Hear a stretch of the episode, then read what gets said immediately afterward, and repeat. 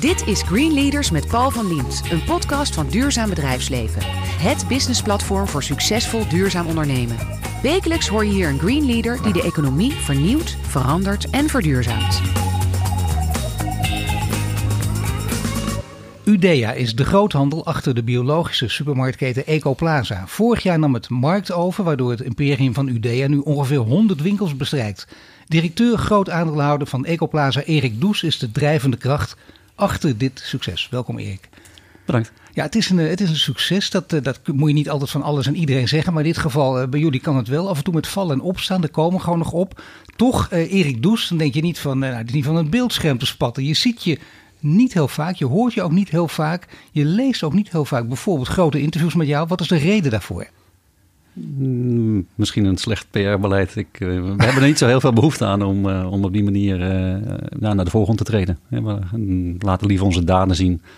En ik heb zelf ook totaal persoonlijk niet de behoefte om nou ja, de kranten te halen. Nee, dat is best bijzonder ook in deze tijd. Want je zult genoeg verzoeken krijgen, omdat het gewoon steeds meer in het oog begint te springen.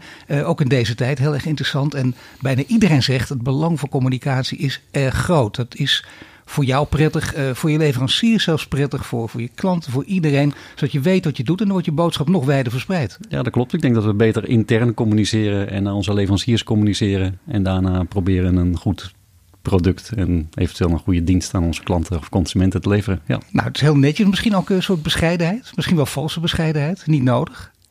Ja, dat weet ik niet. We voelen ons er prettig bij. Het is, uh, we hebben een hele lange tijd uh, de, de groothandel gehad, hè, waarin je überhaupt niet zo heel erg in de, in de picture zit. Ja. En via de winkels, via de consumentenhandel uh, eigenlijk, kom je wel veel meer in de picture. in positieve en negatieve zin. Het is niet altijd dat iedereen het eens is. En op het moment dat je probeert nee. een verandering te, te, te, realiseren, ja, heb je ook wel eens de nodige weerstand. Dus het is niet altijd leuk om zo naar buiten te treden. Uh, het is wel heel fijn als je nu in feite steeds meer ziet dat biologisch natuurlijk anders dan, uh, nou, uh, laat ik het heel makkelijk nemen, 10, 15 jaar geleden eigenlijk heel gewoon is en misschien ook wel ja, steeds meer een norm begint te worden, steeds normaler begint te worden, waarin we eigenlijk allerlei alternatieven die we realiseren door het toevoegen van allerlei giffen en allerlei andere moeilijke constructies om nutritionisme te bedrijven met iets wat wij dan voeding noemen nutritionisme. Nutritionisme, zo Ja, dat is een beetje het knutselen met, uh, ja. met ingrediënten. En ja. dat is toch hetgene wat heel veel multinationals doen. Hè? En ik denk dat wij nou ja, meer staan voor ja, basisingrediënten. Niet te veel ingrediënten. Pure ingrediënten. En dan uh, word je daar fris, jong en vitaal van. Tuurlijk, en dan krijg je, uh, soms heb je de tijd mee, soms tegen. Ik denk dat je nu de tijd uh, behoorlijk mee hebt. Maar uh, ja, tuurlijk gaat het met discussies gepaard. Maar ik denk, we komen er straks nog op. Jij als ondernemer, je kunt ook flink optreden. Dat moet ook, anders ben je een groot ondernemer. Dus ik zou zeggen, in de discussie ook. Ik denk meer Erik Does hè, de komende jaren. Dat zou toch mooi zijn? nou ja, wie weet. Ik wil ik ga geen uitdaging uit de weg. Dus. Nou ja, kijk, jullie zijn de grootste biologische supermarktketen van, van Europa. Bijna 90 uh, Ecoplaza winkels, Nederland en België. Uh, een aantal uh, marktwinkels erbij gekomen. Je gaat richting de 100. Ja. Dan ben je echt een imperium aan het worden. Je bent bijna zelf een multinational aan het worden. Ja, nou, ik wil proberen toch zoveel mogelijk mensen in ons bedrijf zelf personen te kennen. En ja, nou, de grootste in Europa zijn we denk ik niet. Ik denk in Duitsland nog wel een paar grotere jongens zijn. Maar heel, op zijn minst één. Maar we zijn inderdaad in de Benelux een Ja, wat een is de grootste? Ja, je hebt gelijk. Welke is het ook weer in Duitsland? Uh, mijn collega Denre. Dat is een ja. uh, grote groothandel met ook uh, vestigingen volgens ja, mij. collega of een grote concurrent? Uh, nee, een, een, collega. En ik, ik hoop uh, eigenlijk dat alleen nog maar meer van nabij te gaan meemaken binnenkort. Want ja, een van mijn drijfveren is ook wel om te zorgen dat we met plastic ja, beter omgaan in de toekomst. Ja, misschien moet je dat verhaal even vertellen. Ja, want daar zijn jullie ooit mee begonnen. Zelfs ook een, een pop-up store gemaakt. Ook, hè? Eventjes, ja. een, een, echt een plastic pop-up store. Ja. Wat is het verhaal daarachter? Nou, dat is een, een heel mooi verhaal eigenlijk. Ik, uh, ja, ik ben zelf al uh, nou, geruime tijd uh, business angel van de Plastic Soup Foundation. Ik heb ja, iets tegen, tegen plastic of met plastic, net hoe je, het, hoe je het zien wil. En waarom heb je dan een plastic tasje mee? Oh nee, dat is niet voor jou. nee, ik wou zeggen, nee, dat is een beetje... Nee, dat niet. zijn toch dingetjes nee, die... Nee, ik wou die, zeggen, dat is heel gek. Nee. Ja, die heb ik vrij makkelijk uit mijn systeem. Dus ja. plastic is wel iets waar, waar we heel erg aan gewend zijn. Je ja. zult me ook niet horen zeggen dat ik tegen plastic ben. Want voor heel veel dingen, je koelkast, je computer, et cetera, is het een fantastisch spul. Ja. Maar we moeten voor een heel groot deel wel af van eenmalig plastic. En in, in zo'n hele zoektocht merk je wel dat er heel veel soorten belangen zijn en uiteindelijk ook heel veel financiële belangen. Nou, dat maakt ja. het weer lastig.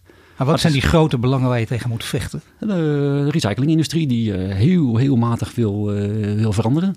Die eigenlijk met name niet tegen composteerbaar plastic wil. Met allerlei argumenten die vaak, met alle respect, niet deugen. Want composteerbaar plastic zoals wij het gebruiken is vaak na twaalf weken in een industriële installatie wel degelijk ja, verworden tot, tot lucht of, of water of ja, dan kun je het gewoon wel in je Excel-sheetje meetellen, maar het heeft helemaal geen zin. Hè? Het is gewoon, het is meer, eh, de, laten we zeggen, het extreme geval. Dan kun je naar buiten eh, doen alsof je het heel goed doet, maar je doet het gewoon niet goed. Ja, nou als je die recycling getallen ziet en laatst ook weer ziet dat dan allerlei zaken die maar geëxporteerd worden, dan toch meegerekend worden als recycled. Ja, daar word ik dan wat minder uh, vrolijk van. En dus we proberen dat, dat, dat plastic in onze winkels, in onze groothandel te verminderen. En zelfs in onze kantine dus, uh, en daar merk ik ook hoe moeilijk het soms is om, om mensen in de macht der gewoonte te maken. Want het is zo'n fantastisch makkelijk uh, spul. Ja. en uh, ja, dan ben je inderdaad op een moment de baas. En dan kun je dingen, nou ja, uiteindelijk opdracht geven. Maar dan, dan, dan merk ik wel hoeveel druk er soms door een herhaling er nog nodig is. Om echt te veranderen. Ja, maar dat vind ik normaal. Dat, is, dat merk ik nu in coronatijd op alle gebieden. Het gaat vooral om de gedragsverandering. Dat moet je ook. Dat is in feite de, het fundament van het onderwijs ook. Herhalen, herhalen gewoon. Hè.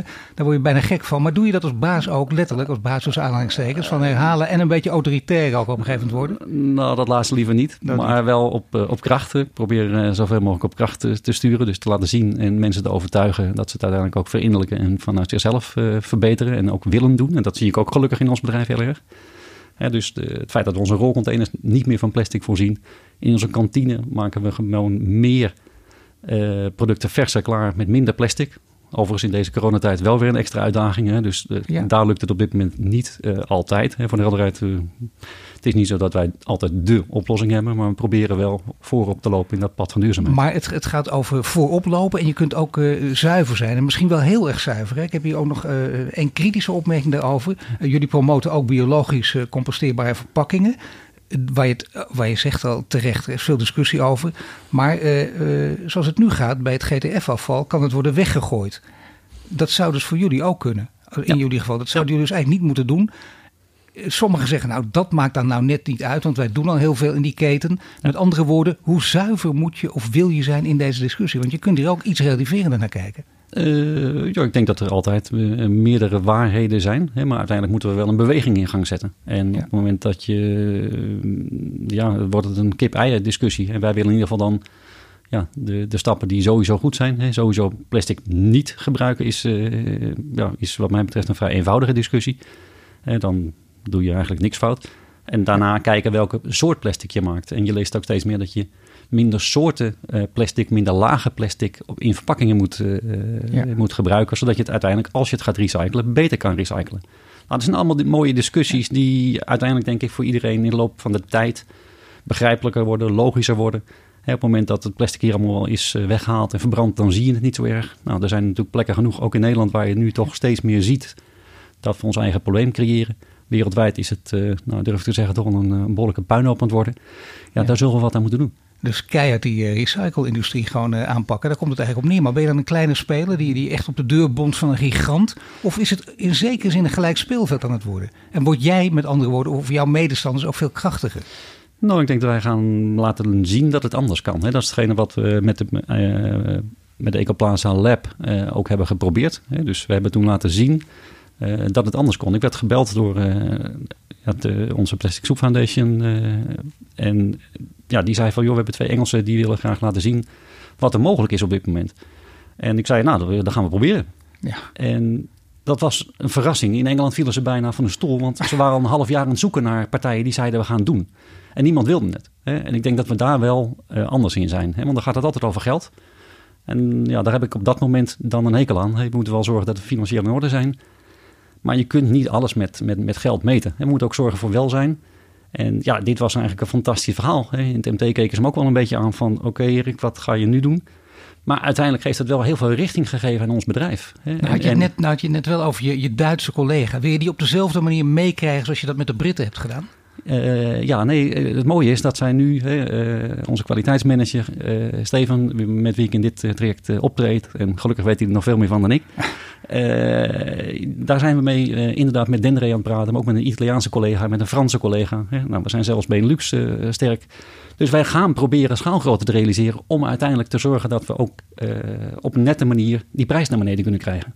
Dan uh, dat uh, heb je al een paar keer genoemd, de collega. Maar het kan ook zijn dat het een, het is een hele grote, grotere nog dan jullie. Het is, je zit in een wereld van overnames. Dat heb je zelf ook, daar werk je aan, daar kom ik over te praten. Is er een kans dat de Duitsers jullie weer gaan overnemen? Nou, een kans is er altijd, denk ik. Maar, nee, maar ik zie hem, nou, voorlopig zie ik hem niet. ik denk dat voor levensmiddelen toch wel heel lastig is om de grens over te gaan naar een Duitsstalige, als ik het even makkelijk mag zeggen, een verpakking. Ik denk dat wij, als wij yoghurt willen hebben, persik yoghurt zouden willen hebben, geen virus yoghurt. En zo zijn er heel veel dingen die wij dan toch wat lastiger vinden, wat moeilijker vinden, misschien wat inferieur vinden. En uh, dan is wat ons betreft de uitdaging uh, met Wallonië groot genoeg. Hè? Want heel veel van onze verpakkingen moeten nu niet alleen Nederlands, maar ook Frans worden. Om toch te zorgen dat we in onze kleine niche heel duidelijk die schaalgrootte zoveel mogelijk pakken. Hoe gaat het sowieso in, in coronatijden? Is dit ook een florerende sector nu? Ik bedoel, uh, letterlijk ook als we naar de consumenten kijken, lopen die uh, met, met z'n allen bij bosjes de Ecoplaza winkels binnen? Ja, wij zijn best succesvol op dit moment. En dat Zoals alle supermarkten mag je erbij zeggen. ja, we zijn nog succesvoller dan alle andere supermarkten. dus ik denk logischerwijs het maagaandeel wordt wat verdeeld. Hè. De horeca heeft jammer genoeg ja. een stuk minder ja, aan de besteding. en daarmee is die gulden, of die euro inmiddels, hè, tegenwoordig wat beter te besteden. ja, dat, ja, het gaat hard hè? Ja, nou, nou verraad ik toch een beetje mijn leeftijd. Dat is toch wel slecht. Uh, maar uh, uh, met een even kijken, dat, die, dat je wel merkt dat de, de klanten nu bij ons minder vaak komen, maar we krijgen wel vaker nieuwe klanten. Dus we krijgen, ons klantenaantal neemt licht toe. Maar wel met heel veel nieuwe klanten. En die klanten die dan komen hè, in coronatijd, uh, ja, uh, veelal met een mondkapje. Maar besteden per keer ook meer. Het is wel verplicht ook bij jullie, de mondkapjes. Dat zie ik als je binnenkomt staat het er ook. Niet wil je het, maar echt een mondkapje. Je komt er niet omheen. Nou, graag een mondkapje. ik denk dat het is niet een... een, een ik heb toevallig afgelopen week een paar keer geprobeerd. Maar echt alle, alle Ecoplaza winkels, echt iedereen zijn mondkapje. Dat is wel opvallend, vind nou, vergeleken met anderen. We proberen daar wel de richtlijnen van de RIVM aan te houden. We vinden dat we niet in politiek discussie moeten zitten. En wij proberen daar uh, te volgen wat, wat de ook regering... Ook na acht uur geen wijn, want er ligt natuurlijk ook uh, flink wat biologische wijn als je goed kijkt. Nou, dat maken we voor onze medewerkers nog makkelijker. We zijn na acht uur gewoon dicht. Ja, oh, dat werkt ook zo. Dan hebben we, dat is misschien ook gewoon een keuze, een keuze voor het welzijn van de medewerker. Dat je niet die discussies gaat krijgen van, ja, dat willen we niet. Ja.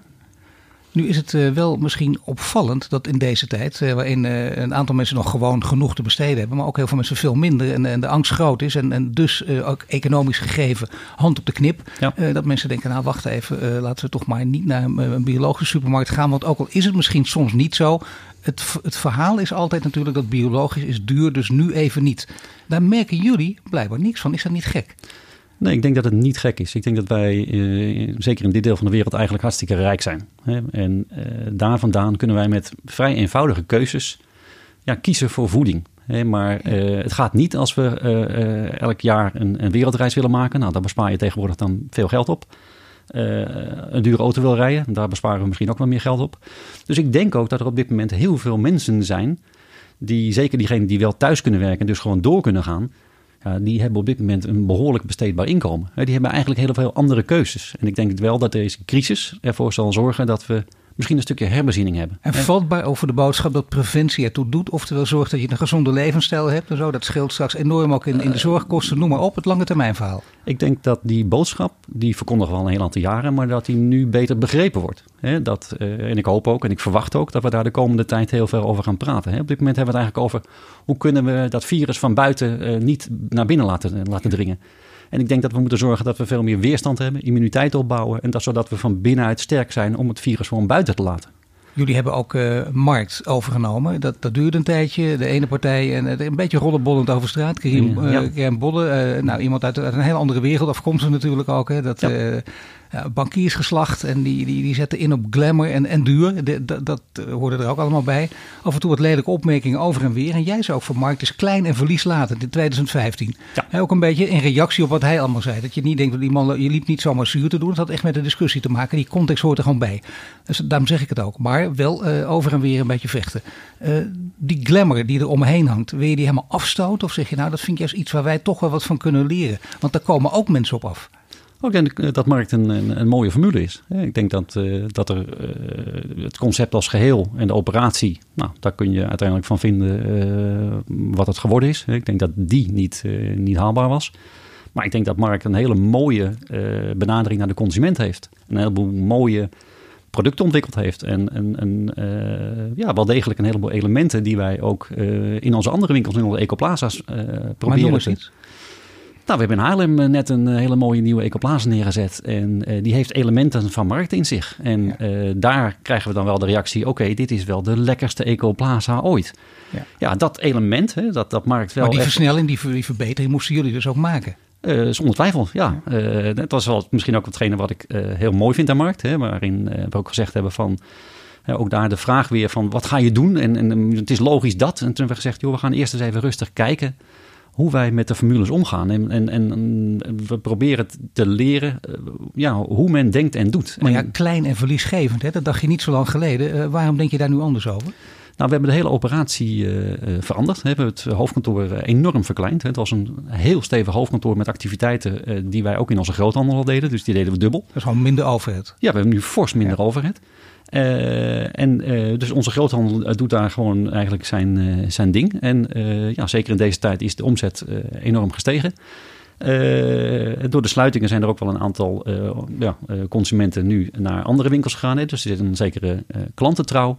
En dan gaan we uiteindelijk kijken, komende tijd, nou, ik denk volgend jaar, begin volgend jaar, van oké, wat wordt nu de koers om uiteindelijk uh, verder te gaan met, met de... Uh, nee, ja, maar vertel me ons uh, vast. we zitten niet voor niks hier nu te praten. We hebben ruim de tijd en zo. Je krijgt ook een gelegenheid. Zeg maar, geef maar even, even een nou, kijk, ja, kijk, de. Een aantal dingen zijn, zijn wat mij betreft nog steeds niet voldoende helder. Daar willen we nog steeds meer van leren.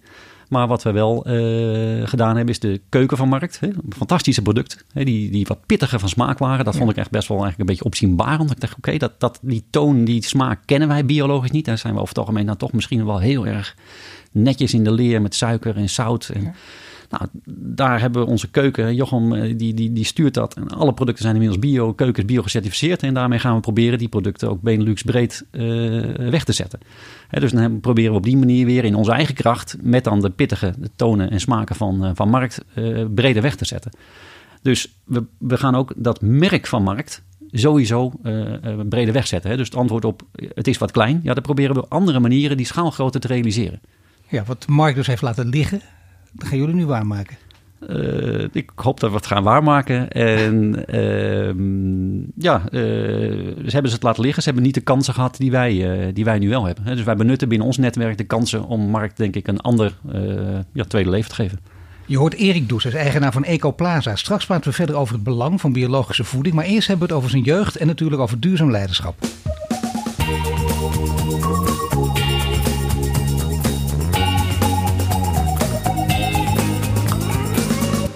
Bij mij in de studio staat Erik Does. En net spraken we over de opkomst en groei van Ecoplaza. Zometeen praten we verder over duurzaam leiderschap. Maar eerst zullen we meer horen over hoe het allemaal begon. Want jouw vader startte in 1980 een natuurvoedingswinkel in Amsterdam. Later had hij ook meerdere natuurwinkels.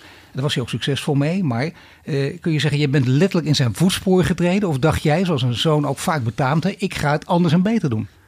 Nee, ik, uh, zeker nee. niet. Ik heb veel respect voor de keuzes en de, en de, de uitdagingen die mijn vader en mijn ouders aangegaan zijn. Uh, ja, van, vanaf iets kleins naar, naar een stuk groter is denk ik een veel grotere uitdaging dan daarna iets doorbouwen. Uh, we hebben tegenwoordig ook veel meer mensen en specialisten om allerlei zaken uit te werken en die, die verder door te verbeteren. Dus zijn situatie was, was volledig anders. Nee. Maar wil, wilde hij meteen zijn voetspoor treden? Want ook in zijn tijd natuurlijk was het toch een soort buitenbeentje. Het was, het was helemaal het idee van de geiten sokken. Wat is dat nou? Ja. Dan kun je als, als zoon gaan denken, ik ga iets heel anders doen. Ik ga bijvoorbeeld, uh, weet ik het, uh, wat, ik ga echt achter het snelle geld aan een Wall Street. Uh, ja, nou, ik heb misschien wel eens gedacht om, uh, om meer in de internetwereld in te gaan of iets dergelijks. Maar uh, Toch daar, wel. Ja, daar, ja, daar is het uiteindelijk niet van gekomen. Flitskapitaal? ja, nou, dat, ik weet niet zozeer het kapitaal, maar ik vind wel de techniek. En, en dat vind ik nog steeds een mooi stuk. dat hebben we op dit moment in ons bedrijf ook. En dat, ja, dat hele natuurlijke en aan de andere kant dat hele technologische, die combi, ja, die trekt me beide aan. Ehm, eigenlijk wilde ik nog naar Amerika, naar mijn studie hier in Amsterdam, om, om daar te door, door te studeren. Dat ging toen niet door. Ja, en toen zei mijn vader, nou joh, dan uh, moet je nu aan de bak en anders is het er misschien niet meer. Dus uh, ja, dat zijn keuzes. En, ja, dat is voor jou was het ook meteen ook, laten we zeggen, tussen aanhalingstekens misschien, omdat het toen als je jong bent altijd toch iets minder groot waarschijnlijk, maar ideologisch ook van belang om dat door, of was daar ja. geen, geen brug voor jou, nee, geen drempel? Ik, ik, had het nog niet zo concreet als dat ik het nu heb. Hè. Ik denk dat ik veel meer nu weet waarom ik ja, graag ja, voor, de, deze, voor onze missie staan. Hè. samen met onze medewerkers doen wat, wat we doen ja, toen begonnen we meer met het maken van een logo op een slaazak. En dan beginnen, hadden we een soort van begin van een vredesoriganisatie. Ja, dat is wel iets anders dan dat we nu hebben. Ja, nee, dat snap ik. Dat, dat is inderdaad heel klein. En dat kwartje later valt begrijp ik ook heel goed. Maar toch, je zegt missie, uh, ideologie uh, en, iets wat je voor elkaar wil brengen. Dat is de dominee bijna, maar je bent ook een koopman. Hè? Heb je ook letterlijk meer in je leven. Die, twee op die schaal. Is er een keurige balans of zeg je nou bij mij heelt die echt steeds meer over in een bepaalde richting? Uh, dit wordt misschien wel iets uh, idealistischer, denk ik. Ja, ik, uh, ik zeg wel eens dat rot geld. Soms gaat het, om het, gaat het om het geld. En het gaat om steeds meer omzet en om steeds meer geld. En steeds meer verantwoording voor mensen die bij ons werken en gezinnen te onderhouden hebben. Maar je bent natuurlijk zelf wel langzamerhand financieel onafhankelijk geworden. Wat je zeer gegund is. En het is ook een, een stevig gevecht natuurlijk geweest. Maar dat praat iets makkelijker, of niet? Ja, buiten kijf. Maar dat maakt het ook wel uit dat je zegt van... ja, tot waar is geld op een moment belangrijk? Nou, zeg het maar. Ik ben heel benieuwd. Dat willen veel mensen toch vaak weten, zeker in deze nou, tijd. Ik, ik, ik, ik denk dat, uh, dat ik op dit moment, uh, als ik het vergelijk met, met collega's uh, die diezelfde bedrijven hebben, dan heb ik ongetwijfeld een, een, een lager salaris. maar ik ben er wel meer dan dik tevreden mee. Hè? Ik bedoel, ik denk dat er heel veel mensen in Nederland ongetwijfeld zouden willen ruilen met hetgene wat wij uit een bedrijf kunnen halen. Voor, de, voor de aandeelhouderswaarde neem je ook risico's. En ja, wij hebben al, worden al tien jaar achtervolgd door allerlei bedrijven die ons willen overnemen. Nou ja, dat is het. Hè. En, en dan is het soms ook, dan is de verleiding soms ook. Dat, dat is precies zoals het leven in elkaar is natuurlijk ook. Hè. Mensen die kunnen dat af en toe heel goed. Wanneer was de verleiding voor jou echt heel groot? Dat je dacht, nou dit is echt... Ik heb bijna ja gezegd. Nou ja, kijk, ik zou het niet. Je hebt op een gegeven moment ook een beetje het gevoel van: oké, moet ik me houden aan het risicoprofiel uh, met heel veel eieren in één mandje? En, ja. en dat zijn ook allemaal vraagtekens die je hebt voor je gezin. Van ja, doe ik dat dan goed? Of gaat Tuurlijk. papa dan maar door in zijn eigen droomwereld uh, uh, gaat dat misschien niet goed. Niet roekeloos natuurlijk. Uh, nee, liever niet roekeloos. Ik denk aan de andere kant ja, dat we ook daar wat mij betreft voldoende hebben. Ik denk ook niet dat mijn kinderen er heel vrolijk van worden als, als, als we uh, ja, uh, nou ja, elk jaar uh, wel heel veel geld mee zouden kunnen geven dat ze helemaal niet meer hoeven werken. Ik denk dat je je geluk haalt. Daar worden ze niet vrolijk van, denk je? Nee, dat denk ik je niet. Weet, nee, je komt natuurlijk. Het, het, geeft een zekere geruststelling, maar het maakt je niet gelukkig. Hè? Ik nee. denk dat je gelukkig wordt van je eigen successen. En dat is ook hetgene wat ik mijn kinderen voor, voorhoud. er zijn heel veel voorbeelden inderdaad van mensen die dat wisten. Kinderen die het veel te jong ook wisten en daar totaal door verpest zijn natuurlijk. Het heeft inderdaad twee ja, kanten die ja, medaille. Dat, nou, is waar. dat is wel, hè, ik denk dat het kind daar zelf een, een, een keuze maakt. Maar uh, ja, ik hoop dat ze hun eigen droom achterna gaan. En nou, die mogen ze wat mij betreft ook compleet uh, zelfstandig doen. Maar toch voor iemand die zegt uh, dat hij niet graag in de media optreedt, weet je er heel handig omheen te praten. Wat was het moment dat je dacht, ik wilde toch heel graag, dit, de verleiding werd nu heel groot. Dit had ik misschien toch hier had ik kunnen toehappen. dat was het moment, wilde ik niet eens omheen praten. Ik heb misschien meerdere andere dingen te vertellen. Nee hoor, dat was een heel duidelijk moment. Hè. Toen wij gingen, recentelijk, dan hadden we net na toen ging niet door, maar hadden we wel gezegd dat we nieuw gingen bouwen. En gingen we echt serieuze euro's lenen. Hè. We wilden eigenlijk bankvrij worden. Dat leek ons nog wat fijner. Ja. Nou, dan kan ik wel zeggen dat is vrij goed mislukt. Uh, dus we hebben een joekel van de schuld. Uh, door onze nieuwbouw, door onze plannen van, van ons krattenmagazijn, wat gemechaniseerd is, door heel veel IT, ja. heel veel nieuwe veel IT. Veel innovatie is dat ook. Mega veel innovatie. Robots. Uh, ja, de shuttles. Dus ja, een heel mooi proces om uiteindelijk efficiënter te worden. Ja. Mooi proces in ieder geval voor het efficiëntere bedrijf. Maar wel ook wel veel risico. En toen hebben we wel gedacht van ja, het zou wel handig zijn als misschien iemand uh, een, een, deel van ons bedrijf neemt en dat risico afneemt. Uh, dat is uiteindelijk om allerlei omstandigheden weer, weer, weer niet doorgegaan. Mag ik weten wie dat is of welke speler dat was? Nou, dat zijn best grote private equities die dan zeggen van... joh, wij willen met jou praten. Hè? En ja. dat is nooit uh, helemaal tot eindtrend gekomen. Om, om, we hebben het eerder toch gezegd van... nou ja, dat moesten we maar niet doen. Laten we eerst kijken hoe... We kregen uiteindelijk ook zelf wat meer vertrouwen van... het gaat ons wel lukken. Dus ik denk op het moment dat je daar nu naar gaat kijken, dat je wel vanuit een ander perspectief kijkt. En dan van oké, okay, als er vreemd geld binnen zou komen, wat kan ik dan daarmee bereiken? Dus dan wordt het weer een ander verhaal in plaats maar niet van per jezelf verrijken. Maar niet per definitie, zoals veel mensen toch uh, buiten deze wereld nog steeds denken. Die krijgen echt een waas voor ogen als het gaat over private equity. En die denken dat het alleen maar slechte jongens zijn. Maar de wereld zit toch wat genuanceerder in elkaar. Heb jij ook gemerkt? Ja hoor, ik denk dat daar uh, best heel veel mensen zijn die daar prima mee omgaan. En die ook in die zin nog wel een, een netwerk maken of toereiken waar je, waar je beter van kan worden. En, en dat vind ik ook het mooie. Dat vind ik nu ook leuk in de Benelux. Dat we een ander netwerk hebben hè, met nieuwe talen, nieuwe culturen. Hè, daar leer je ook een beetje weer dat je inderdaad wat directer bent als Nederlander. Hè. Ik zeg altijd, ik ben een Brabander geworden, dus ik weet hoe het is om Amsterdam. Dat, dat verrijkt het een beetje. En nou, in België heb je soms toch nog weer iets meer cultuur. Dan moet je nog even eh, wat anders uh, praten. Ja, en, direct. Dat is wel interessant dat je zegt sowieso met internationaal zaken doen. Dat, dat moeten we toch als Nederlanders langzaam weten ook dat we daar erg mee moeten oppassen. Dat het idee van de lompe Hollander, dat, uh, dat begint nu toch een beetje rond te zingen. Een klein landje met een hele grote bek. En dat is echt net Ja. over de grens. Dat kan gewoon niet. Nee, ik is niet probeer meer hoffelijk. te vragen. Ja, Ja. Het is niet altijd met zeggen van nou, ik denk dat het zo is. Maar ik probeer meer te vragen van, ja, eh, meer, meer te coachen. Dat is meer eigenlijk de, de, de rol die ik in toenemende mate meer, eh, meer heb. eh, Is dat, is dat, ook, is dat ook letterlijk jouw, jouw leiderschapsrol? Jouw manier van leiding eh, geven? Ja, er was wel gezegd dat ik een dienend leider ben. Ik geloof wel dat ik daar wat, wat, wat meer in na, naartoe ga. Ik heb ook zelf niet die behoefte om ja, de, de, nou ja, de powerplay eh, eh, CEO, of CEO te zijn om, om iets door te drukken. Nee, ik ben ongetwijfeld wel eigenwijs, eh, vertelt mijn collega mij. Dus als ik iets wil, dan valt het niet mee om, eh, Nee, dat om, mag ook, ja. Dat mag je hopen zo. om me daarvan af te halen. Maar ik denk dat ik wel een heel stuk zorgvuldiger ben geworden in de jaren. En, en ook wel nou, blij ben met, eh, met mensen. Maar die, zorgvuldig in de loop der jaren, dat betekent dat je daar voorheen... Nee, maar dat zijn echt inderdaad leerprocessen. Wat, hoe, hoe merk je dat dan? Wat, de- wat deed je toen je nog niet zorgvuldig was? Ja, kijk, ik was denk ik hier eh, 21 toen ik hier van de HO afkwam. en ik moest een, bijna een, ja, een bedrijf sturen. Mijn vader die een paar jaar zei, joh, jij mag het doen. Eh, mijn zoon is nu 23, dan denk ik, ja, is notneus. Eh, eh, en, en ik moest wel mensen overtuigen. Ja, dan kom je uit Amsterdam, dan is er veel ja, nee, zwart-wit. Dus toen ik op mijn 28e naar Brabant verhuisde, was hetgeen wat mijn collega zei. Als een Brabander ja zegt, bedoelt hij nog geen nee? nou, daar snapt een Amsterdammer echt in de eerste seconde helemaal niets van. Maar dat, dat, dat zijn wel mooie processen. Hè, waardoor ik daarna ook begreep mm, ja, waar- waarom eh, een, een, een Limburgs afnemer van ons ja, eh, toch heel anders in de wedstrijd zat. Waardoor we compleet langs elkaar praten. Toch jouw En- zakenpartner, hè? Die, die, die je bijna 30 jaar kent. Jullie zeggen dat vaak, dus bijna een soort huwelijk. Eh, de grap is ook dat jullie beiden eigenlijk eh, allebei niet per se met die hele grote verhalen in de media willen en hoeven. Nee, hij is nog erger ik jou, ja. terwijl ik denk als ik jou zo hoor, vaker juist, graag zelfs. Eh, maar hij zegt, Erik van der Brink, eh, die zegt over jou, hè, die hebt het ongetwijfeld, er stond meen ik in het FD in een profiel, je houdt van duidelijkheid, meer zwart dan wit.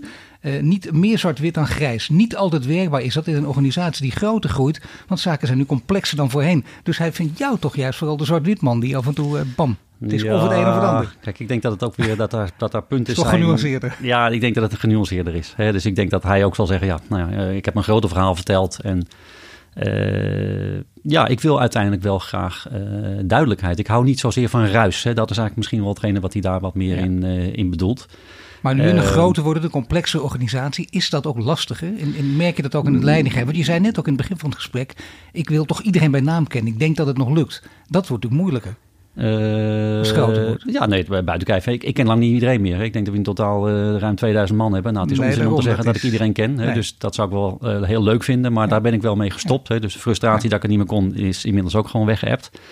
Maar eh, wij moeten bijvoorbeeld in een groter wordend bedrijf, eh, wat complexer wordt, al die processen beter beschrijven. Ja. Ja. en daar is weinig grijs aan. Dan zul je dat gewoon helder moeten doen om uiteindelijk te slagen. En dan, dan wordt het proces foutloos goed.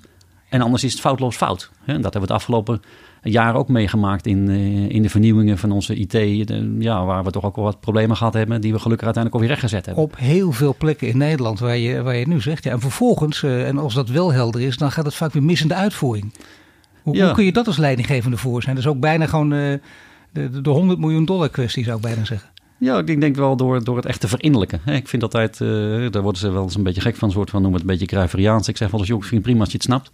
Maar snappen dat er een probleem is, dat snappen er heel veel. Maar begrijp jij wat jouw bijdrage is om het op te lossen? Hè? Dus dat begrijpen, dat verinnerlijken, daar hamer ik wel enorm op. Nou, en daarna vind ik dat heel veel mensen en, en dat zelf kunnen. En gelukkig hebben we ook heel veel mensen die dat beter kunnen op hun vakgebied dan ik. En niet continu daar, je kunt ook in de nek hijgen, letterlijk. Of, of daar is overal een manager boven zitten die ook in de nek hijgt, continu corrigeert. Nee, dat zo- kan, hè? Nee, maar doe, zoals Ja, ik zo zeg, klinkt het heel negatief. Maar dat sommige mensen zweren erbij, want die zien dat de uitvoering gaat mis. Dus dan zul je toch iets moeten doen. Ja, maar ik probeer naar meer te kijken waarom iemand niet doet wat ik denk dat hij zou moeten doen. En dan probeer ik hem meer de omgeving te schetsen, dat hij letterlijk weer gaat begrijpen waarom het logisch is dat het toch in een bepaalde richting wordt, eh, wordt uitgewerkt. En ik kan, ja, ik denk dat we daar eh, goed in zijn. Ik ben minder goed, hè. Erik Jan is veel beter om direct een probleem op te lossen. Ja. En eh, ja, ik denk dat ik beter ben in, in mensen het, de omgeving te schetsen en dat hele leger te laten lopen. En als ik hard ga werken, heeft het geen enkel nut. Hè? Vroeger toen ik nou ja, met z'n vijf op kantoor zat, als ik dan zelf, ik vond ook dat ik beter was, ik werkte mijn uur en ik werkte meer gefocust, dan had ik een, een, op vijf man een impact. Maar ja, dat heb ik echt nu niet. Ik bedoel, ik dat goede voorbeeld hoef je bijna niet meer te geven. Jij zou dus gewoon op de golfbaan kunnen staan de hele dag. Stel dat dat zou kunnen. En dan, dan maakt het eigenlijk niets uit. Ja, nou, het zou kunnen, maar ik denk niet dat ik daar gelukkig van word. Eh, nee, maar ja, ik ben nu ook hier. Hè. Het bedrijf gaat gewoon door. Dus, eh, Nee, ja, kom op. Maar dit doe je voor je bedrijf. Hè? Maar toch, eh, je bent, eh, hier maakt ook de indruk. Een, vriendelijke man. zeker een zachtaardigheid. Maar natuurlijk ook een harde zakenman. Want overnamegevecht, ik citeer even. voedingsgigant Wessane wilde je uit de markt drukken. Dat was in 2010. Eh, jij sloeg meteen terug door de eigen winkels niet meer bij Wessane te laten inkopen. En uiteindelijk heb je het gevecht nog gewonnen ook. Dan denk je, wel veel mensen misschien in je omgeving zeggen... nou, doe dat nou niet, kom op joh, dat is, Erik, dat ga je niet winnen. Het lukt je wel, dus het zit wel enorm in je. Ook de vechtersbaas. Ik zou bijna zeggen de straatvechter. Nou ja, ik weet niet. Ik, ik, ben, ik voel mezelf inderdaad meer een... eh, ik fiets graag. Hè. Ik- het mooiste vind ik meerdaagse marathons op de mountainbike. Dus ik ben niet zo'n sprinter. Nee, ik, ik sprinter en daarna eh, helemaal klaar. Nee, ik, ik mag van mij betreft wel wat langer eh, doorgaan. En dat geldt hier ook voor. In 2010 werden wij eigenlijk, hè, we eigenlijk wilden na dus ons, eh, toen de tijd van eigendom van Wesaan ons, ons meerdere malen kopen. Ja. Ja, nou, dat, daar voelden we daar niks voor. En, en toen zijn concurrent overname, was eigenlijk bij ons ja, meer de vraag van... oké, wat, wat gaan wij nu doen? Gaan we dan toch verkopen? Want we redden het niet. Geloven wij dat we kunnen blijven bestaan zoals we dan nu werken?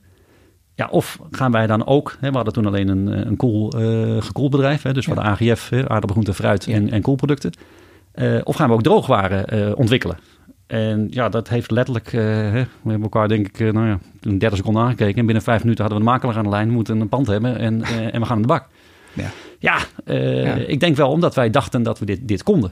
En nou ja, gelukkig is het, zo geweest. En ik denk ook wel dat we een hele openheid gegeven hebben aan onze franchise-nemers. Dat doen we denk ik nog steeds. We zijn overigens de enige die zich geconformeerd heeft aan, het, eh, aan, de, aan de franchise-code in Nederland. Heel opzienbarend, voor ons heel normaal. Want ik wil graag met mijn franchise-nemers, onze afnemers, een zo normaal mogelijke relatie hebben. Nou, dat is gek dat je zegt dat dat opzienbaar dat inderdaad, hoe kan dat gewoon? Dat dat juist vaak niet zo is. Want je ziet het daar dus ook om die reden vaak misgaan. Ja, maar dan gaat het alleen maar om geld. En dan is het, ja, maar jij hebt misschien een, een, een tiende procent meer en die wil ik hebben. Ja, en, en daar gaat bij mij het grensnut echt volledig... En, en- Op lange termijn is het trouwens ook veel verstandiger, zelfs financieel wat jij doet. Nou ja, er zijn een heleboel dingen die in ons systeem anders werken. We hebben een hele goede relatie met onze franchise-nemers. Eh, een heel aantal van die franchise-nemers die eh, bepalen welke producten wij opnemen. Maar het voordeel daarvan is ook, als zij het bepaald hebben, dat wij het in één keer kunnen afsturen. Ja. Ja, als je dat ziet ten opzichte van, van wat regulier dan bepaald wordt en allemaal mislukt. En ja, dan denk ik, ja oké, we hebben een kleinere schaal. We proberen er anders mee om te gaan. Ik, naar mijn mening op een meer manier zoals je ook met je, met je, met je buurman zou omgaan. we- Met je, met je vrienden zou omgaan. Langdurig. Hè? Dat je niet zegt, nou ja, als je het niet eens bent, dan, dan daarna hebben we een andere relatie. Nee, Of- maar dat is het sympathieke van. Maar ik zei het net over Wessane. Het terugslaan meteen door de eigen winkels niet meer bij Wessane te laten inkopen. Omdat je denkt dat is belangrijk. Dat moet, op dan moet je even, dat is de vuist op tafel. nou, dat is, Of laten merken dat, je, dat er niet mee te spotten valt. Nou, dat, zo heb ik dat niet gezien. Ik denk meer dat wij gedurfd hebben het hele bedrijf in de waagschaal te zetten. En, Ja, en te ja, dat- geloven voor de eigen kracht. Hè, want Oh, op ja. dat moment, Eh, toen wij het zeiden, hadden we nog 80% van de droogwaren bij eh Ja. eh, Wessane. Hè, dus dat is langzamerhand afgelopen. Dus dat is een behoorlijk risico ook. Dat was een mega risico, buiten kijf. Ja, en, en toen hadden we nog geen enkele franchise-nemer hè, die op dat moment zei, ik ga meteen met je mee. Toen we een heleboel geregeld hadden. En, en toen wij voor lagere prijs aan de gang gingen en, en ze veel meer transparantie boden en eigenlijk zeiden van ja, we willen het echt samen doen. Ja, toen ging die groep eh, in plané. Hè? Eh, mede ook door de successen. En, en Ecoplaats heeft daar ook enorm geprofiteerd van de prijsverlaging die wij toen in de keten konden realiseren. Omdat wij gewoon je- minder marge namen. Interessant dat je dit zegt, ja. Want dit geeft toch een andere blik dan bijvoorbeeld een van jullie. eh, en daarom dacht ik ook hè, met, met deze interpretatie dat het met vechten te maken had. Het heeft te maken met wat jouw ambassadeur Ralf Moorman zei. Veel mensen kennen hem, maar voor de zeker de man van bijvoorbeeld de hormoonfactor, die, Ja. die daar ook geweldig over kan vertellen. Hij zegt over jou allerlei positieve dingen, maar ook je vecht tegen een machtige lobby. En dan had hij het over Bayer, het hele grote concern ook. Hè? De onkruidverdelger, de Roundup. We hadden het net over de recycle-industrie. Dan zeg je ook, je denkt niet van, oh, ik ben het een klein doe. Nee, dan is het niks van de kleine bescheiden Brabant. Dan is het juist, nee, die gaan we te lijf. En hij zegt fantastisch, maar pas op. Eh, hij wil onrecht bestrijden. Dat wil Erik heel graag. Hij strijdt tegen giganten. Oppassen dus dat je niet verbitterd raakt. Nee, maar ik raak niet snel verbitterd, omdat ik niet. eh, ook daar, ik ben geen sprinter die zegt: Ik heb de wedstrijd verloren. Eh, ik ben meer dan de marathonloper die zegt: van Je begrijpt mij nog niet, maar daar gaan we voor zorgen dat wij verder komen. Dat is met biologisch ook zo. Met Ja. biologisch. En het feit dat, Ja. dat, dat Roundup of eh, allerlei andere glyfosaat-achtige nou ja, giffen. Moet dat wel oppassen, want er zijn altijd weer zwart-witte mensen die zeggen, ja, ja, dat is niet altijd en noem het allemaal op. Nee, maar eh, in, als je de context wil Ja, begrijpen, maar dan krijg je echt de kerkdiscussie. Daar moet je het ook voor oppassen, denk ik ook. Hè? Voor, voor de Ja. extreme zuiverheid. nou, dat is Want er is wel- altijd wel iets aan Altijd te iets. de kijf, altijd iets. Maar ik denk dat we, zelf met name zien, en hè, gelukkig zijn er heel veel mensen die daarin meegaan, eh, dat we die, die, ja, die tendens, dat duurzame pad op moeten. Eh, En dan is het denk ik logisch. Hè. Afgelopen week was er een heel mooie eh, avond eh, op- Sembla en op Kunstdienst van Waren. Het ging over microplastics en ging over, over de bodem. Ja. De bodem die onze, onze darmen voedt met de juiste bacteriën. Ja, waardoor ik heel veel minder geloof in, in, in de technische, supersonische flats met, met allerlei mooie ledverlichting. Dan krijgen wij denk ik niet de voeding die onze darmen nodig heeft. Waardoor wij ons immuunsysteem opbouwen. En wat eigenlijk nu ja, plotseling meer begrijpelijk wordt in de hele discussie rondom eh, COVID. Dus eh, we komen wat verder. We merken nu dat op het moment dat we heel veel gespoten hebben, dat ons bodemwater, mm, is nog een beetje te weinig bekend van. Maar interessant is dat je dit zegt en dit in relatie met COVID ook. Want eh, dan spelen de media hier natuurlijk ook een grote rol. Die zouden misschien ook eens een keer kritisch in de spiegel kunnen kijken. Wat, wat kun je als media hiervan leren? Eh, nou, ik denk dat het media ook probeert eh, eigenlijk de, de regering eh, het vertrouwen te geven, zodat er rust is in het land. Hè, maar ik denk wel dat we ons af mogen vragen dat toen de tijd dat het in aanvang 3% doden zou geven, COVID, dat was bedreigend. Ik hoorde vanochtend een, een, een, een huisarts zeggen dat we inmiddels op een 0,25% eh, zeg maar, mogelijke kans op, op dood gaan krijgen als je COVID hebt. Wat niet anders is dan een, dan een zware griep. Nou, voor een zware griep hebben wij volgens mij nog nooit zo'n budget getrokken. Nog, zo, nog nooit zoveel, als ik, het- als ik het mag zeggen, ander leed veroorzaakt. Dus Ook de- andere ziektes, daar gaat het ook allemaal om. ja, Zeker. het aantal amputaties van mensen met suikerziektes, het aantal kankerpatiënten wat niet geholpen wordt. Er gaat, er gaat heel veel ander. Hè? Ons, ons hele, Het onze hele samenleving. stress, wat in het begin inderdaad stil is gehouden, omdat dat je, dat je nog een beetje mee wilde denken. Maar op een gegeven moment komt het ook naar buiten natuurlijk. Mensen die, die niet meer kunnen slapen en daardoor in, eh, problemen komen. Eh, slikken van antidepressiva, die verhalen komen ook naar buiten. Die worden dat echt gigantisch. Ja. Dus daar moet je ook op aan denken. Nou ja, ik denk dat we onze data moeten verbeteren. hè. Kijk, en ik denk dat het voor de regering natuurlijk ook heel lastig is. Ik denk dat ook, hè, als je aan Mark Rutte vraagt, zal hij ook zeggen: van, ja, joh, per, per, per gebied zou ik het zelf persoonlijk ook wel anders doen. Maar als ik nu al een paar regels maak en we dan al de klus kwijtraken, moet ik een compromis maken. Hè? En hij heeft weer te maken met Europa. En daarmee hebben we weer te maken met onze positie ten opzichte van de Chinezen, die misschien zullen zeggen: joh, als je het niet oplost, wil ik niet eens zaken met je doen. Ja. Dus de belangen zijn, wat mij betreft, wat groter. En dan proberen we, nou ja, als bedrijf in ieder geval te zeggen: joh, eh, we zijn democratisch, jullie zijn democratisch gekozen. Eh, we proberen naar jullie te luisteren. Aan het woord is Erik Does. En net spraken over zijn jeugd en leiderschapsstijl. Straks praten we verder over het belang van biologische voeding.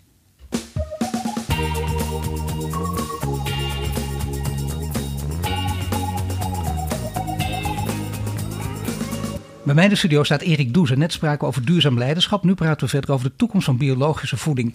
Eerder was eh, Robin Berg was hier. Hij is directeur van We Drive Solar. Hij is de gast in de podcaststudio bij ons. En net als jij nu. Maar hij had de volgende vraag voor jou. Ik, ik zou heel graag vanaf nu al mijn boodschappen in jouw winkel willen doen. Maar er is één ding wat mij daar tegenhoudt. En dat is je brood. Kom met lekker brood. Komt dat er? Nou, Robin Berg, ja, hij wil graag komen, maar hij mist het lekkere brood. Nou, ik denk dat Robin eh, die zou moeten zien dat brood misschien niet altijd elke dag hoeft. Dus die sowieso is hier welkom voor heel veel andere dingen die we hebben. Hè. Dus dat zou denk ik al, al heel goed zijn om eh, voor Robin en hopelijk eh, voor, de, voor zijn naasten om, eh, om bij ons te komen. Dus hij is van harte welkom. Indien hij wil, wil ik hem een, een privé tour geven. Eh, ja, brood is, hè, we hadden het net over markt. Eh, Die hebben wel, eh, ja, zijn dieper ingegaan op de smaak van brood. Zijn we op dit moment wel mee bezig om te kijken hoe wij onze broodsmaak, hoe we ons assortiment kunnen verbeteren. Dus nou ja, eh, Robin kan wachten tot, totdat wij het geregeld hebben. Ik denk dat voor zijn eigen weerstand en immuniteit is beter dat hij nou, misschien nog van vandaag naar onze supermarkt rent of online bestelt op uh, ecoplaza.nl. Dat kan ook nog. Maar eh, ja, we werken eraan. Ik denk dat, uh, dat brood wel een deel is van uh, waar heel veel klanten juist wel voor komen. Dus dat is een beetje moeilijk een balans te krijgen.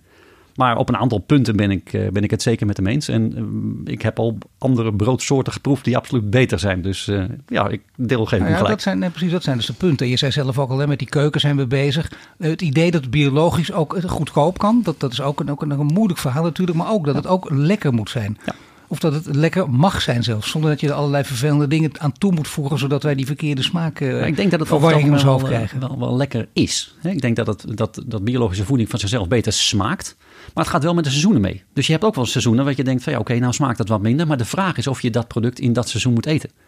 En, en eh, ja, de andere kant is dat je je product eigenlijk doodmaakt in het productieproces. En dan allerlei dingen toevoegt, zodat je exact het hele jaar door hetzelfde kan. Eet je trouwens kan- zelf altijd alles van de Ecoplaza of niet?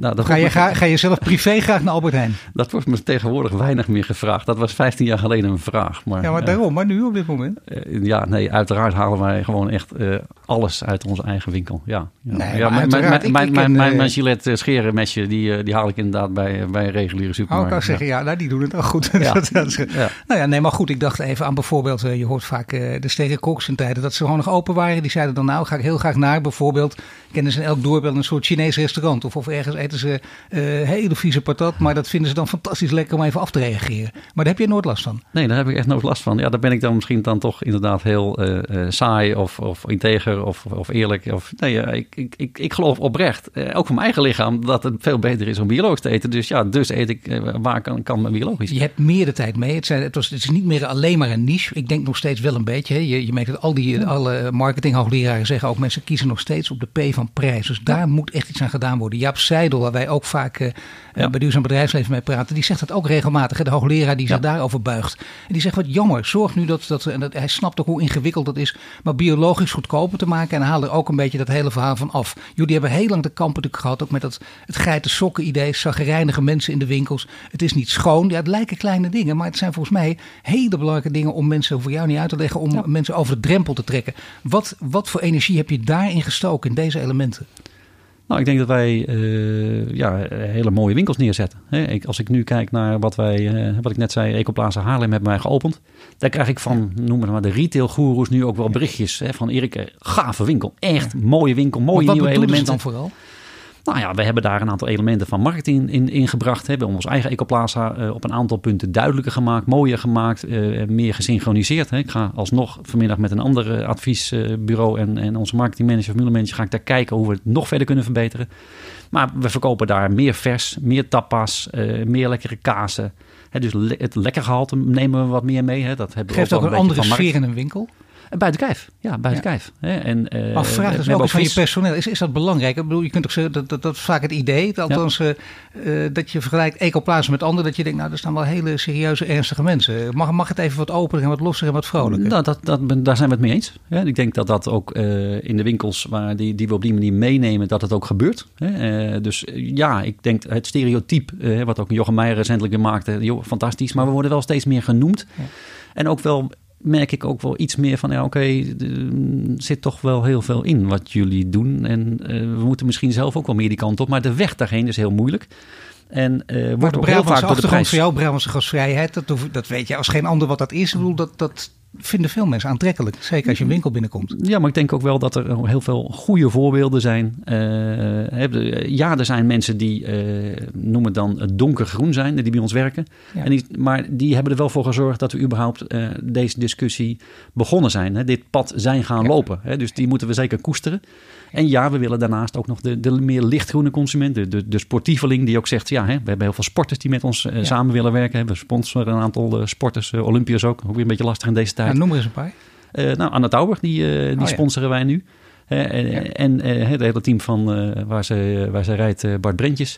Dat zijn, eh, we hebben Dorian van Rijsselberg gesponsord. Hè, die ook een, een hele biologische achtergrond heeft vanuit zijn ouders op, eh, op Texel. Hè, dus dat was, was prettig. Hè. Dorian heeft eh, heel veel met, eh, met plastic. Dat heeft toen in, eh, in Brazilië voor de kust ook wel... eh, heeft hij een aantal keer de pers gehaald van... jongens, daar drijven eh, koelkasten. En dit gaat toch niet helemaal goed? Of om te zeggen, dit gaat helemaal fout.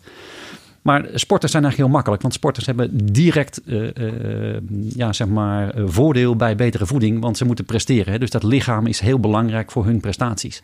En ik denk dat we ook moeten zorgen dat de normale Nederlander ziet dat zijn weerstand en zijn immuniteitssysteem kan worden verbeterd. En nou ja, deze crisis hoop ik in ieder geval dat daar wij van leren dat we beter worden door eh, aan onze eigen eh, weerstand te werken. Maar dit is een interessante, want eh, deze crisis, ja, ik zou bijna zeggen, heel veel mensen die dat niet deden, die denken nu wel opeens over de maatschappij na. Die denken, die hebben bijna filosofische vragen in hun hoofd, die ze misschien nooit gehad hebben. Gaan dus ook daarmee, logisch aan gekoppeld, aan de lange termijn denken. Wat jij al veel vaker en veel langer doet.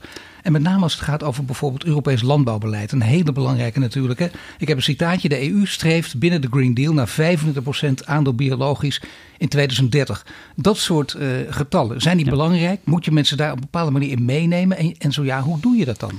Nou, ik denk dat die belangrijk zijn. Uh, ik denk dat uh, Timmermans dat, uh, dat hartstikke goed doet. Hij was ook geïnteresseerd in onze Ecoplaza Lab. Heb ik hem leren kennen. Ik ben via hem ook naar, bij, bij lobbyclubs in, in, in, in Brazilië, of Brazilië in Brussel geweest. Waar ik eigenlijk dacht van wauw, dit is wel een heel andere wereld. Lijkt Brazilië wel dag in. Nou ja, ja inderdaad. Dat zo, zo nou ja, precies. Zo was de, de combi die ik inderdaad een beetje kreeg. Dat ik dacht, dit lijkt wel een, nou ja, niet iets waar ik graag in, uh, langer waar ik graag in wil zitten. Uh, maar het geeft in ieder geval aan dat het serieus is. Hè? Dus ja. uh, deze kant moeten we op om, om uiteindelijk te zorgen dat onze komende generaties uh, vrolijker worden hè, vrolijker worden van het handelen wat wij nu doen. En nou, dat is iets, ja, vind ik wat wij nog wel ons Maar de intensieve veeteelt uh, aan de ene kant uh, en, en, ook de successen van de boeren die daar natuurlijk uh, mee roepen. Ja. Kijk eens even, we zijn koploper in Europa, ja. dan gaan we zomaar weggooien. Dat moeten we niet doen. Dat is een, dat is een keiharde strijd over polarisatie gesproken. Ja, maar dit, dit, hoe, hoe, kun je ze nou biologisch verleiden? Ik denk dat de mens heel moeilijk uit zijn gewoonte te halen is. En dat is ook hetgene wat er constant is. Als je een procentje wil wijzigen, dan komt er enorm veel weerstand. Eigenlijk nu ook dat we zeggen, er komt een vaccin. Hè, en wereldleiders die dan ook roepen van ja, het komt er binnen drie maanden, het komt er binnen een half jaar. Het komt ja. er, en, en, en, en, hè, terwijl het heel moeilijk is, maar de vraag is of het er echt komt. Dan zijn er virussen genoeg waarin we dat niet hebben. En als je dan ziet dat er, hè, ik heb vernomen dat er in één, zee, één druppel zeewater 10 miljoen virussen zitten. Nou, ik ben wiskundig niet zo heel goed, maar hè, zoetwater, zoutwater, in de lucht is hetzelfde, in de bodem is hetzelfde. Dus we hebben vrij veel virus om tegen te strijden dan is een vaccin niet het antwoord. Dat is pleisters plakken en dan heb je niet eens genoeg pleisters om, om al die virussen dicht te zetten. Dat is wel heel moeilijk en je hebt gelijk als het al lukt om het voor elkaar te krijgen. Of dat zomaar simpel even kan. Het is ongeveer Nobelprijswaardig om dat voor elkaar te krijgen. Dus dat is allemaal bij elkaar inderdaad ongekend. Je moet dus op een andere manier gaan leven. Ja, die ogen zijn die, geopend. Die, die, die, verandering en, en ik hoop dat daar de discussie nu mee, uh, mee verder komt. En dan helpt zo'n Green Deal waarin je zegt, joh, we gaan naar 25% want het is echt datgene wat we nodig hebben ja, uh, of zo'n tv-programma waar er inderdaad naar nu gekeken wordt. Gewoon een schop in de grond. In het ene biologische veld leeft het. Hè? Is, er, is er lucht? Is er, is er een mogelijkheid voor de aarde om, om de CO2 op te nemen? Is er een goede uh, waterhuishouding? En uh, 100 meter verder, waar de boel platgespoten is, is, is ja, is er geen leven? Is de boel dood? Uh, is er geen opname van CO2? Uh, kan, de water, kan het water niet weg? Maar toch de andere kant zijn de boeren die nu leven en die, die zien de, de, ja, de vaste grond onder de voeten wegvallen. En die, die denken, wacht even, uh, dit, dit, kan niet meer. En die ja, kijken dat, eerst dan zijn logisch korte termijn. Helemaal ook nog eens in deze tijd. Ja. Treden, ga niet voor niks voortdurend de straat op, blokkeren de boel. Blijkbaar is dit onoplosbaar, dit probleem. Terwijl je denkt, er zijn nou, zoveel mogelijkheden om ze, om ze wel uh, te verleiden. Niet te zeggen, we houden ermee op en je krijgt niks en we laten hier met een failliete boedel achter. Ja, dan wil je natuurlijk niet meewerken. Maar wat zou je wel kunnen doen om die boeren ook richting biologische landbouw te drijven? Ik denk dat we meer verantwoording moeten nemen. Dat is een heel moeilijk woord voor heel veel bedrijven. Maar als je verantwoording neemt voor datgene wat jouw boer teelt. En dus wij maken met heel veel boeren maken we teeltplanningen en zeggen we, joh, dit gaan wij van jou afnemen dan heeft hij zekerheid. Dat is iets heel anders dan tenderen en kijken of op de markt kopen wat er vandaag voor morgen beschikbaar is. Ja, ja. Nee, wij bespreken met onze leveranciers wat wij gaan willen aan, aan, aan, ja, aan mogelijke opbrengst. Uh, in welk tijdvak, uh, uh, door, door welk seizoen. En daarmee heb je een wederzijdse afhankelijkheid. En probeer je te zorgen dat je ook de, de risico's inperkt. Alle risico's inperken? Nee, dat kan niet. Maar je hebt wel veel meer verantwoording. En dat stukje verantwoording nemen, niet wijzen naar anderen, maar gewoon zelf laten zien dat je die keuze maakt. En niet maar zegt dat is een van oproep. om, om ik, denk dat dat een, ik denk dat het een belangrijke oproep is. Als ik je even mag onderbreken. Want daar heb je natuurlijk helemaal gelijk. Dat snap ik ook. Dat kun je proberen. Maar dan vervolgens, uh, hoe kun je dat doen? Heb je dan toch een strakke regelgeving nodig? Iemand die er bovenop zit en zorgt dat het ook gebeurt. Want als je het weer aan de, de verantwoording van mensen overlaat. Ja, uiteindelijk gaat dan toch de P van prijs ook hier weer een grote rol spelen. Ja, ik denk dat wel daar social media en allerlei andere media in kunnen gaan helpen. Op het moment dat we dit beter uh, voor het voetlicht krijgen. He, we, we hebben steeds minder legbatterijkippen. Omdat we uiteindelijk gezien hebben wat een ongelooflijk leed daar aan de gang is. He, dus daar moeten we misschien de andere kant laten zien, omdat heel veel consumenten het vertrouwen hebben dat het iets goeds is. Ik denk dat, dat heel veel uh, na de oorlog dat we uiteindelijk aanmerken kregen. En die gaven ons überhaupt elke dag, uh, ja, wat we een soort, ik noem het veelal vulling, maar een soort van voeding. Ja. En, uh, maar we hadden dus wel elke dag eenzelfde smaak en we hadden voldoende. Dan, dan, dan krijg je heel veel vertrouwen uit dat het dan goed gaat. Hè? De, de, de, ja. de, de gemiddelde leeftijd stegen, inmiddels daalt hij weer wat. Uh, ja, daar moeten we denk ik wel een stukje verandering in brengen. Van joh, heb nou misschien, wees iets kritischer. Want datgene wat je aangereikt krijgt is heel erg aandeelhouders gedreven. Is misschien niet gemaakt om goed te zijn voor jou, maar met name om euro's op de beurs te realiseren. Ja, En je ziet in Amerika waar het toe leidt. eh, en die eh, getallen heb ik van Jaap Seidel, daar schrok ik wel van. eh, over te dikke mensen gesproken. 40% obesitas. Dan denk je dat is wel gigantisch veel. Maar ook nog eens 40% overgewicht. Oftewel, slechts 1 op de 5 in Amerika heeft een normaal gewicht. Dat is ongekend natuurlijk. Ja, maar dat is ook niet hetgene waar als je, als je iemand vertrouwt en die hele industrie doet jou dat aan. Dat is, dan, dan, dan moeten we wakker worden. Dan moeten we zeggen, jongens, we moeten meer voor onszelf zorgen. En je ziet nu ook, het zijn niet alleen de ouderen met, met onderliggend leed, maar met name BMI. Hè, dat zware overgewicht. Boris Johnson heeft er iets over durven zeggen. En dat mocht hij ook, Ja. hè, want ik... Hij ja, moest wel. Ja, het is mijn probleem. Ik mag het zeggen, want ik heb het over mezelf. Maar misschien kunnen jullie ook een beetje meedenken. Nou ja, daar zouden we hopelijk straks wat meer data van mogen krijgen. En ik, ik vind dat ontbreekt enorm. En dan moeten we meer zorgen dat we ons eigen systeem eh, verbeteren. Zowel ons eigen lichaam als, het, als de voeding om ons heen. En dan heb je de echte data, kun je inderdaad mensen ook overtuigen. De grote groep ook overtuigen. Maar toch, eh, die grote eh, bedrijven, die hele grote multinationals, zijn ook vaak heel goed, juist ook weer in innovatie. Ze, Nou, de ze zijn goed in marketing. Natuurlijk, nou ja, maar heb je, je hebt het samen nodig. Hè? Maar je, Ja. je ziet ook van die grote. Kijk, bij Unilever daar kun je heel veel leders, maar ze hebben de vegetarische slager weer overgenomen. Eh, dat, dat had de vegetarische slager ook nodig. Dat zeggen de mensen eens. ook, anders waren we nooit op deze schaal terechtgekomen. Dus dan geef je in ieder geval een ruimte in je bedrijf, sta je af aan, of of zeg het negatief, je koopt een start-up over, want dan kun je Ja. het zelf niet, die zetten we neer, maar dat maakt niet uit. Je hebt elkaar nodig. Ja. Dus je zou dan toch meer met juist, laten we zeggen, de beste multinationals nog moeten werken. Want ja, zonder die schaalvergroting lukt het toch ook nooit. Nee, nou, wij, wij zijn heel veel als Ecoplaza, of eh, hè, toen met die, met die Ecoplaza Lab, joh, we werden door de hele westerse eh, media benaderd. Hè, of Sky en BBC en Washington Ja. Post, New York Times, eh, Al. Jazeera. Iedereen, iedereen kwam op ons af, ook in het Engels. Dat is dan, dan best wel even lastig met allerlei technische begrippen. Maar ja, eh, nee, dan alsnog kunnen we inderdaad niet verder. Hè, maar we kunnen wel mensen inspireren. En dan zijn er heel veel andere bedrijven die hopelijk een stukje, een stukje daarin veranderen. En, en die proberen en durven meer concreet te zeggen. Niet voor, joh, in 2030 ga ik nog wel iets, daar hebben we een doelstelling. En eigenlijk is dat dan een doelstelling voor de volgende CEO.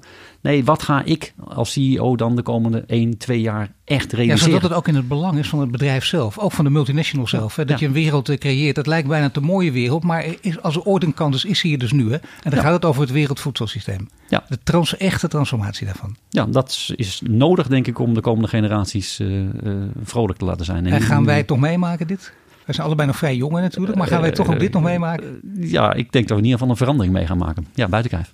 Ik dank je voor dit gesprek, Erik Does. Je luistert naar een podcast van Duurzaam Bedrijfsleven. Mede mogelijk gemaakt door onze partners Ebbingen en Hill en Nolten. En volgende week zijn we terug met een nieuwe Green Leader. Dit was de Green Leaders podcast voor deze week. Volg onze website voor meer nieuws over succesvol duurzaam ondernemen.